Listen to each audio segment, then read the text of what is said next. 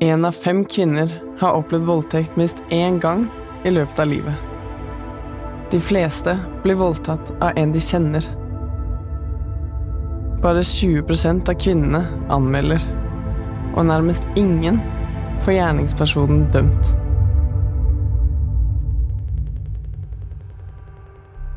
Hei, jeg er Lea. Jeg elsker skogen, mennesker, mat, tekno og nye ideer. Da jeg var liten, var jeg nysgjerrig og sta. Som ungdom søkende og med på alt. Trygg på verden og menneskene i den. Det ble tatt fra meg i 2016. En dag i august. Den dagen jeg ble voldtatt av en jeg elsket. Dette er min historie, om veien gjennom helvete og tilbake til livet. Takk for at du lytter.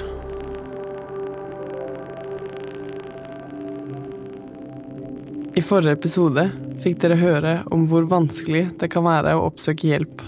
Fortelle om det som har skjedd, og hvor vanskelig det er å bo nærme overgriperen sin. I denne episoden forteller jeg om hvordan jeg endelig ble klar for å ta imot den hjelpen jeg behøvde. Om hvordan det er å anmelde noen man elsker til politiet.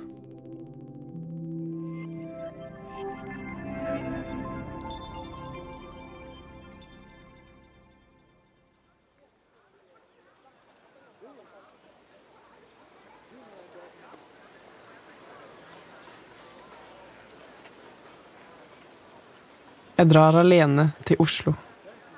Det er vår, og det er varmt i sola. I bygningen jeg går inn i, er det en sveitsisk forsikringsbank i første etasje. Lange tepper og tunge gardiner.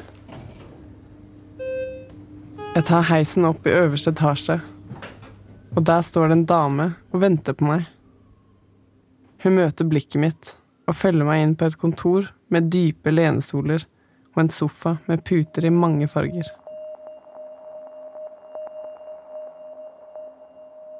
På veggene henger det plakater med bilder og informasjon på. Et kart over ulike følelser. Et bilde med en kvinne i en blomstereng som holder en blomst. Utenfor vinduet ser jeg fjorden. Veilederen min spør meg om jeg vil ha kaffe eller te og jeg venter i den dype stolen. Maja ser på meg hele tiden mens vi snakker. Uansett hva jeg forteller henne. Hun viker ikke unna. Jeg forteller at jeg er utrygg på alle menn. Jeg forteller at jeg føler at Thomas har kuttet av meg hodet, og at jeg konstant er stengt inne i et kaos. Jeg forteller at jeg plutselig får bilder opp som gjør meg livredd. Maja lytter og sier det er normale reaksjoner på en unormal opplevelse. Hun sier gi deg selv god tid i alt du gjør. Frokost, butikken, kom deg til og fra avtaler, gå tur i skogen. Maja forklarer meg at nervesystemet mitt sender ut faresignaler, selv om jeg er trygg, og det blir man sliten av.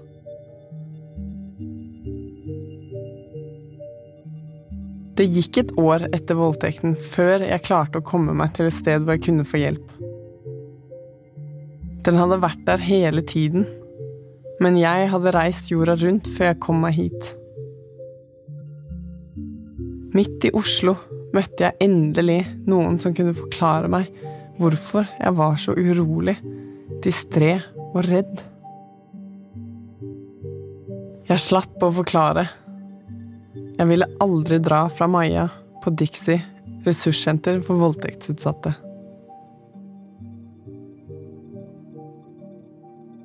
Jeg forteller at jeg tenker på å anmelde, og Maja foreslår at jeg prater med en advokat om det og ta avgjørelsen etterpå. Maja sier at mange ikke vil anmelde, og det er greit. Hun forteller meg også at det er en stor påkjenning å anmelde. Sammen avtaler vi et møte med advokat. Det er dette de aller fleste ikke forstår. Hvorfor det er så vanskelig å anmelde. Hvis man vet man er blitt voldtatt, og man vet at voldtekt ikke er lov, så er det vel bare å melde det til politiet? Men å ikke bli trodd av rettsapparatet er som et nytt overgrep. Å måtte fortelle er retraumatiserende. Å anmelde en man elsker til politiet, føles helt feil. Men å la noen slippe unna med å ha skadet meg, føles også helt feil. Og der sto jeg, i alt det der.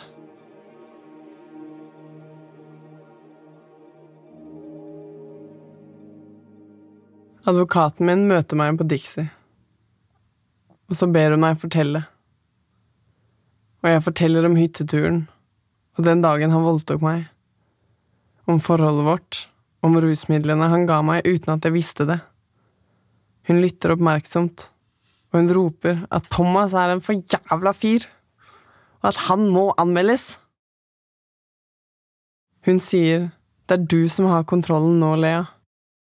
Hun sier det igjen og igjen. Jeg føler for første gang på lenge at jeg kan bestemme noe. Og jeg bestemmer meg for å anmelde.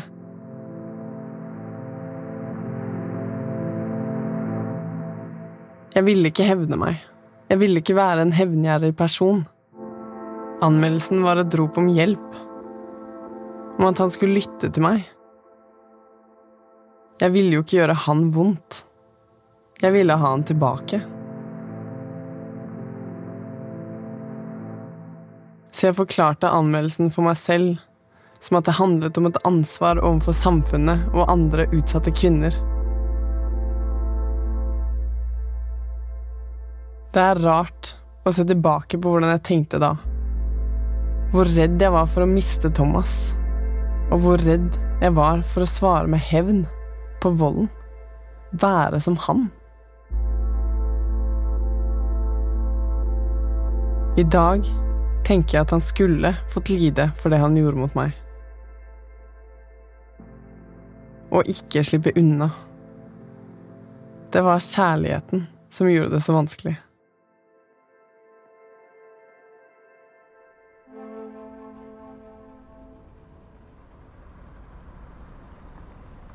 På vei til politiet er jeg nervøs. Jeg møter advokaten min Marie utenfor politistasjonen klokken halv ti. Vi prater om stedene vi har reist, og hvor mye vi elsker Sør-Amerika. Så ser Marie meg i øynene med et mildt smil. Du bestemmer hva vi gjør. Ingenting skjer uten at du vil det. Marie går til politiskranken og sier ifra at vi er der. Etter ti minutter kommer det ut en politikvinne som fører oss inn på et lukka rom.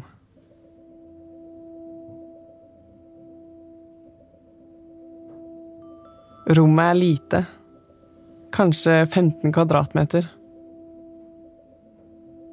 Til høyre er det en bred stol og et lite bord. På venstre side er det en stor, hvit skrivepult med to skjermer og tre stoler rundt.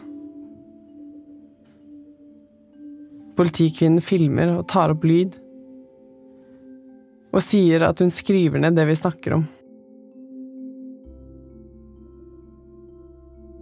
Etter det ramser hun opp masse ting jeg ikke husker. Obligatorisk informasjon om rettigheter og plikter. Hun understreker at jeg kan ta pauser når som helst, og at hvis jeg føler meg uvel, er det jeg som bestemmer. Og jeg kan også ha så mange pauser jeg vil.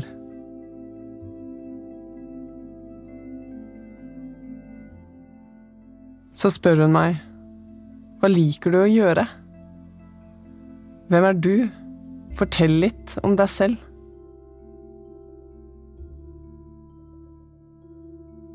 Og så spør hun om ham, og om oss. Hva jobber han med? Hvor møttes vi? Hvor lenge var vi sammen? Hva pleide vi å gjøre? Hva er han interessert i? Har det vært noen ubehagelige situasjoner?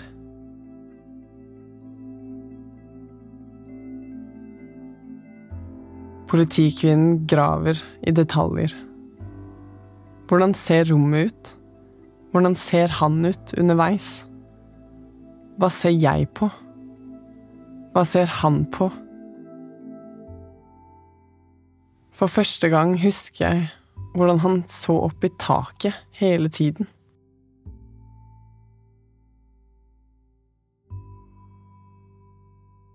Avhøret varer i til sammen ni timer. Hun sier at hun spør fordi det må gjøres slik. At det ikke er fordi hun ikke tror meg. At de må spørre om detaljer, og hun må grave. At detaljene er viktig. Jeg var så redd for å si noe feil. Lyve uten å vite det. At de ikke skulle tro meg. Politikvinnen spør meg på slutten om jeg vil anmelde ham for voldtekten og dopingen. Jeg sier at jeg kun ønsker å anmelde for voldtekten. Det angrer jeg på i dag, fem år senere. Men jeg visste ikke at det også var vold. At volden startet før den dagen i august, og at volden fortsatte etterpå. Jeg ville ikke ta ham for alt. Jeg ville fortsatt ikke innse at hele forholdet var preget av vold. Det var en for stor sorg å ta inn over seg. Kjærlighetssorgen min beskyttet han.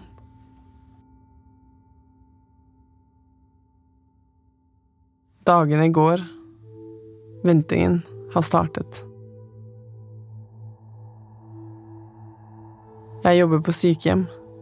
Jeg ser mange skrekkfilmer. Går i skogen. Treffer innimellom venner. Noen ganger forteller vennene mine meg om Thomas. En venninne av meg sa til meg at Thomas fortsatt elsket meg. Utenpå fremstår det som jeg er sikker i min avgjørelse om å anmelde men inne der et sted så håper jeg at han kanskje også savner meg. Noen ganger ønsker jeg å gå tilbake i fortrengningen, tilbake til ignoransen. Det sier jeg ikke til noen.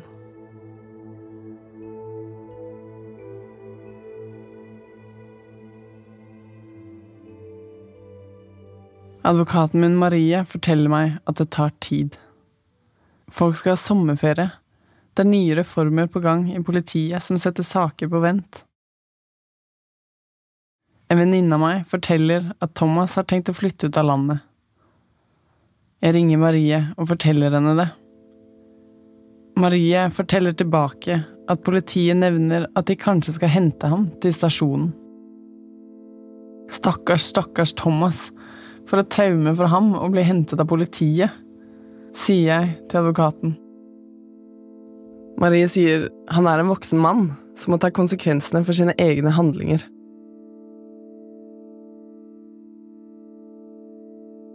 Det var godt å kunne være åpen med advokaten.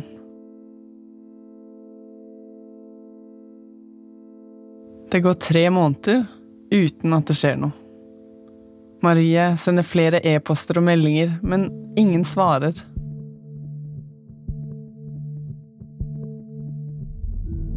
Det er blitt vinter. Marie ringer og sier at nå har de avhørt ham. At jeg kan få lese avhøret på kontoret hennes. Vi setter oss i et stort møterom ved et langt og mørkt trebord. På advokatkontoret midt i Akersgata i Oslo. Det er bare meg og henne. Og ti tomme stoler. Jeg orker ikke å lese avhøret selv, så Marie leser det høyt. Jeg hadde blitt fortalt at det er vanlig at den mistenkte truer om å anmelde tilbake for falsk anmeldelse. Jeg husket bildet jeg hadde av den snille ekskjæresten min. Det bildet stemte ikke med mannen fra avhøret.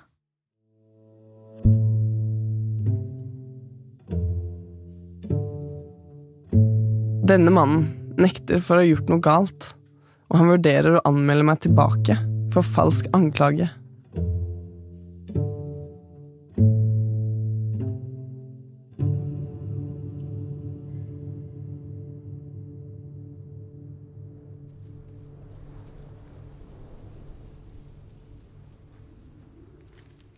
Det har gått én måned siden Thomas ble avhørt.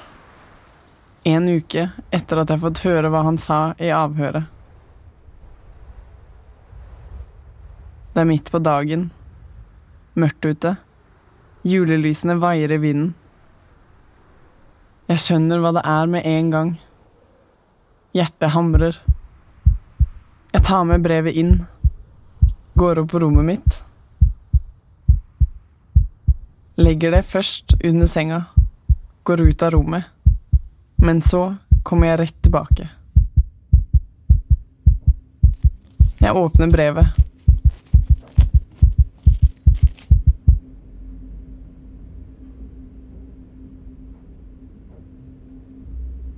Jeg får sjokk.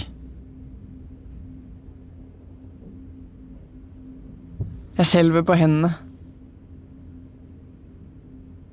Jeg må sette meg ned. Saken er henlagt.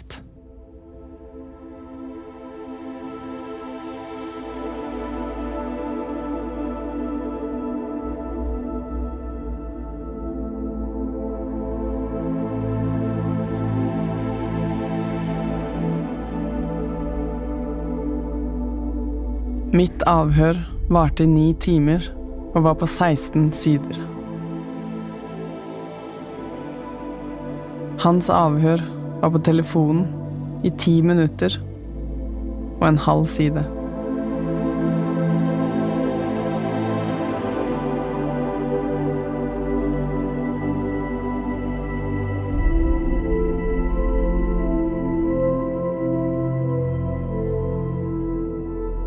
Å anmelde var en tung prosess.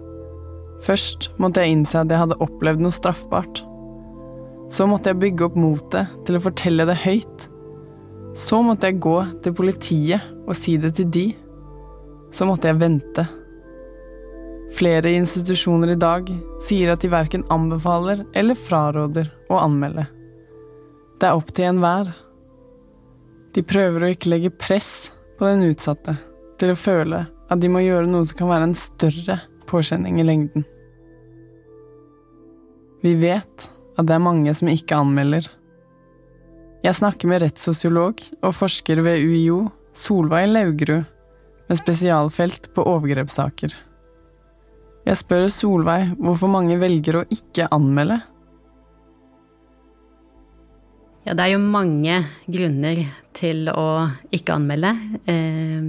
Og det går på alt fra at man der og da i situasjonen har vanskeligheter for å forstå hva som har skjedd. Sånn at eh, det er ikke uvanlig at de som anmelder, gjør det fordi det er flere i, eh, i, situasjonen der og da som på en måte oppfordrer til anmeldelse.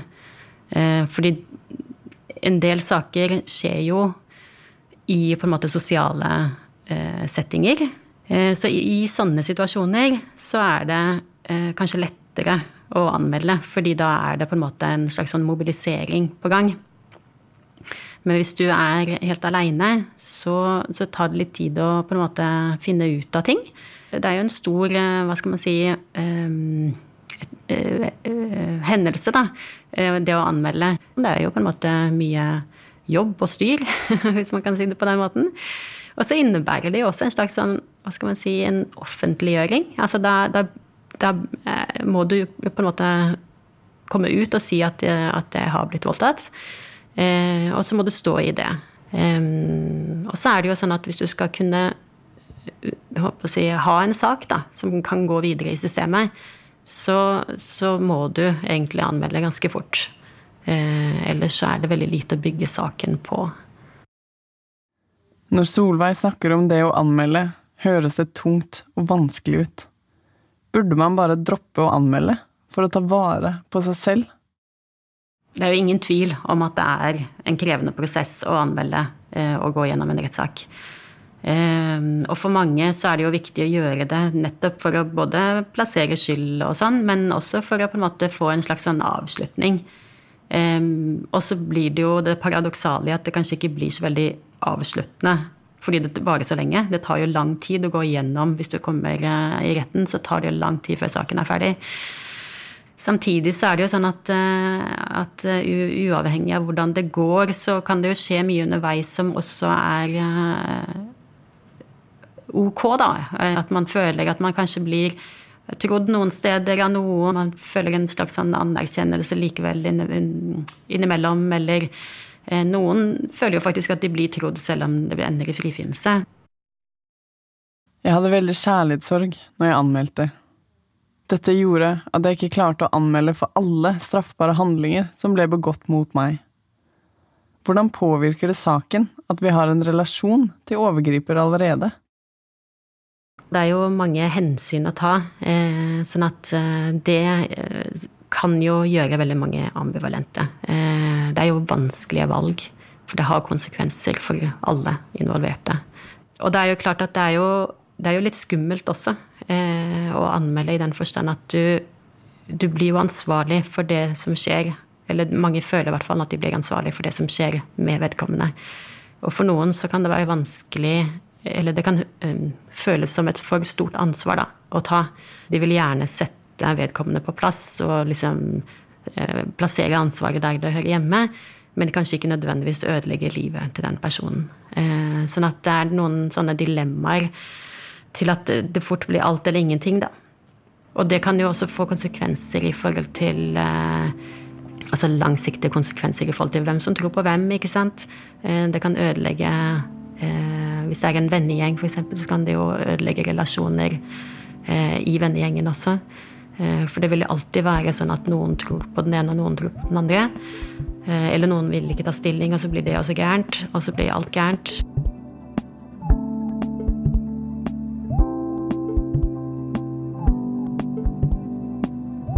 Min sak, som veldig mange, blir henlagt. Det blir ikke den samme følelsen av rettferdighet som man kan håpe på når man anmelder. Jeg lurer på hva konsekvensene for overgriper er når saken blir henlagt. Der er det vel også litt uh, forskjell på hvor i systemet du kommer, skulle jeg si. Altså, men, men, som regel så vil vel en, en, henleggelse, en tidlig henleggelse ikke ha så store konsekvenser. Men det er jo klart at vedkommende eh, blir jo Men som regel så vil du kanskje bli innkalt i avhør, i hvert fall. Så du må jo i hvert fall på en måte inn og forklare deg og liksom eh, så, så, du havner i en del sånne i hvert fall ubehagelige situasjoner, vil jeg tro. Eh, og så kan jo det på en måte også spre seg. Eh, altså at man eh, At folk vet at du har blitt anmeldt og vært inne til avhør. Eh, og det kan gå begge veier. Eh, noen ganger så kan det føre til at noen blir eh, forhåndsdømt eller stemplet som, som overgriper. Og noen ganger så kan det føre til at, at det ikke har så veldig store konsekvenser. Da. At man tenker seg at ja, ja, men han er ikke dømt ennå, eller sånne ting. Mange er redd for å ikke bli trodd av politiet og i en rettssak. Jeg lurer på om Solveig har noen tips til hvordan man kan snakke for å bli trodd. At, uh, at du forteller den samme historien likt hver gang, er viktig. Um, både til andre folk, men også til f.eks. i politiet og i retten. Altså til institusjoner, da. Profesjonelle. Uh, det å um, være nyansert, altså at du ikke fremstår som uh, sint eller hevngjerrig, men at du også på en måte trekker frem ting som på en måte kan eh, tilsynelatende gå i din eh, disfavør. Og så er det jo det å eh, Det som alltid er fint i retten, skal jeg si, er jo å være verbal i den forstand at du kan snakke for deg, da. Eh, så det å ikke være for sint Men du må være, gjerne være litt berørt, men ikke kanskje så ille at du ikke klarer å fortelle historien din. Så det er en sånn balansegang, da. Og så er det viktig hva du har gjort etter eh, hendelsen. Altså har du gått til politiet, overgrepsmottaket, og helst så fort som mulig ja, og fortalt folk om hva som har skjedd. Hvordan du umiddelbart reagerer, og hvordan du reagerer etterpå, eh, har noe å si da, for, for hvordan det kan dokumenteres. Jeg kjente veldig på at jeg stilte meg spørsmål til om jeg faktisk hadde opplevd voldtekt. Var det så ille at jeg måtte anmelde? Tvilen av å ikke bli trodd gjorde paradoksalt også at jeg begynte å tvile på min egen historie. Solveig forklarer at dette skjer med de aller fleste. Jeg tror de fleste tviler også før de går i et avhør. Jeg tror det er veldig vanlig å, å tvile. Eh, at man veksler veldig eh, gjennom hele eh, prosessen. Altså om man anmelder eller ikke. Eh, for noen så er det jo sånn at eh, de anmelder jo nettopp for å på en måte bli sikrere i sin sak. Og få på en måte bekreftet at det skjedde faktisk.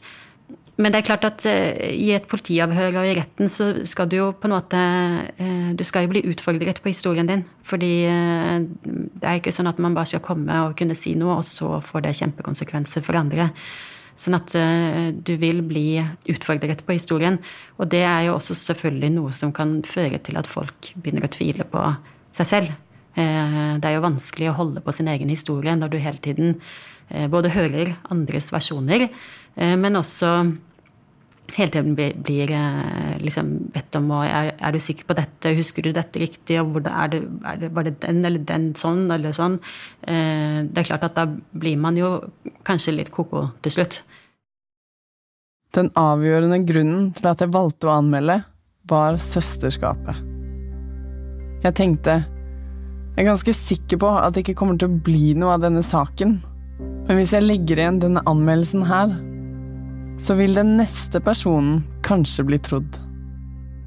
Flere som sier det, egentlig. Eh, at eh, da, da er han på en måte registrert i systemet selv om det ikke vil synes nødvendigvis utad, altså at arbeidsgivere vil ikke nødvendigvis vite om det, så vil det, vil det kunne bli på en måte spille inn på etterforskningen av eventuelle nye saker. Eh, det er klart. Jeg klarte ikke å lage denne episoden uten å tenke mye på overgriper, og hva den personen føler og tenker i en anmeldelse. Advokaten min sa til meg at det er helt vanlig at overgriper nekter straffskyld og ikke vil innrømme skyld. Men føler de på skyld og skam, samme som vi utsatte føler? Ja, ja det, jeg tror ofte at de gjør det. Jeg snakket med Jon Nikolaisen, spesialist i klinisk psykologi og sexologi, og som har jobbet med personer som har begått seksuallovbrudd. Eh, men det varierer jo sant, hvor mye det er, og hvor mye man orker å forholde seg til det. For det er vel kanskje noe av det jeg Det er vanskelig å, å, på en måte ta det inn, si det høyt. Altså Det kan være helt umulig liksom å fortelle hva jævlig jeg har gjort mot et annet menneske. altså Bare beskrive det er bare helt forferdelig å gjøre. fordi da må jeg ta inn over meg hvor grusom jeg er. Så det, ofte så er det mye skam. Og så så, så, må vi forsvare selvbildet vårt. Og da kan folk både få en sånn rar greie at, du, at du, kan opp, du, kan merke at de skammer seg, samtidig som de prøver å forsvare det de har gjort på ulike måter. ikke sant? Eh, eh, fordi at det er umulig å leve med at jeg er en person som voldtar. ikke sant? Det er bare, det er bare sånn, eh, en sånn ting som man ikke kan gjøre. Som, jeg kan ikke være sånn. Og da får du en sånn veldig eh, eh, komplisert greie da, med en sånn spenning mellom det å sant, forsvare seg sjøl. Eh, men det, det, forsvaret handler jo ikke om å forsvare seg så mye mot andre ofte. Det handler jo ofte om å forsvare seg mot seg sjøl, sin egen skam, sin egen opplevelse av å være helt forferdelig ha gjort noe helt grusomt. Eh, som er ganske, ganske umulig da, for veldig mange. Det er veldig få som klarer å som stå og liksom si 'dette gjorde jeg', og jeg aksepterer at jeg har ansvar for dette. Og, uh, uh, det er et vanskelig ting å gjøre. Én ting er å innrømme overfor seg selv at man har gjort noe galt. Men hvordan kan en som har utsatt en annen for overgrep, virkelig forstå hva de har gjort, og om de kan endre seg? Fordi En ting som jeg opplever da, som er veldig interessant, er at, eh, at det er lettere for folk å ta inn over seg det de har gjort, da, og forholde seg til det på en eh, ordentlig måte når man klarer å kjenne på den smerten som ligger bak det man har gjort. Eh, og det, Sånn tror jeg vi mennesker er, at når vi har gjort noe fryktelig dumt, så hvis vi kan forstå hvorfor vi har gjort det, uten at det liksom unnskylder oss, så klarer vi å ta mer ansvar for det vi gjør. Og, og, Derfor så syns jeg ofte jeg ser at når folk kjenner på smerten i livet, så klarer de i større grad å stå inne for at dette er mitt ansvar. Dette var en handling som starta i meg, og ikke noe som har noe med hva den andre inviterte til eller provoserte til. Ikke sant? Det handler om meg. Det var meg det starta. I denne episoden har dere hørt om hvordan jeg startet en anmeldelse, og det å anmelde en du elsker. Neste episode handler om gruppeterapi. Jeg inviterer to av de jeg gikk i gruppeterapi med, for å snakke om hvordan det var for oss. Vi har kontakta Thomas flere ganger, sånn at han skulle få anledning til å fortelle sin versjon av hva som skjedde mellom han og Lea. Han ønsker ikke å kommentere det hun forteller om i denne podkasten. Har du opplevd seksuelle overgrep, eller tror at du har opplevd noe? Da kan du ringe VO-linjen på 116 006, eller hjelpetelefonen for seksuelt misbrukte 800 57 000. Hvem som helst kan ringe, når som helst. Du kan også gå inn på dinutvei.no. Takk til alle jeg har møtt gjennom disse årene, som har støttet meg og hjulpet meg å reflektere og se. Et liv uten vold er mulig.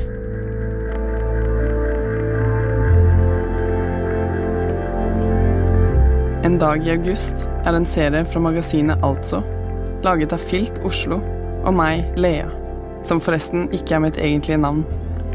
Vi har byttet ut alle navn i historien.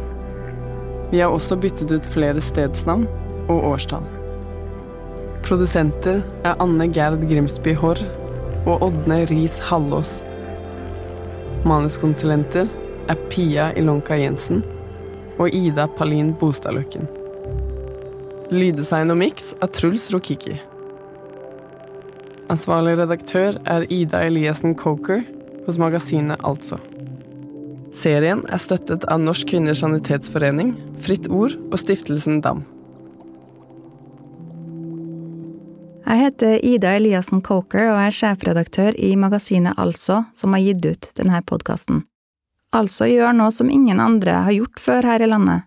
Vi lager stoff som handler om kvinner, uten å fortelle deg hvordan du skal se ut eller hva du bør kjøpe. Gå til altså.no og les saker om mangfold, likestilling og bærekraft. Du vil føle deg styrka og håpefull for fremtida.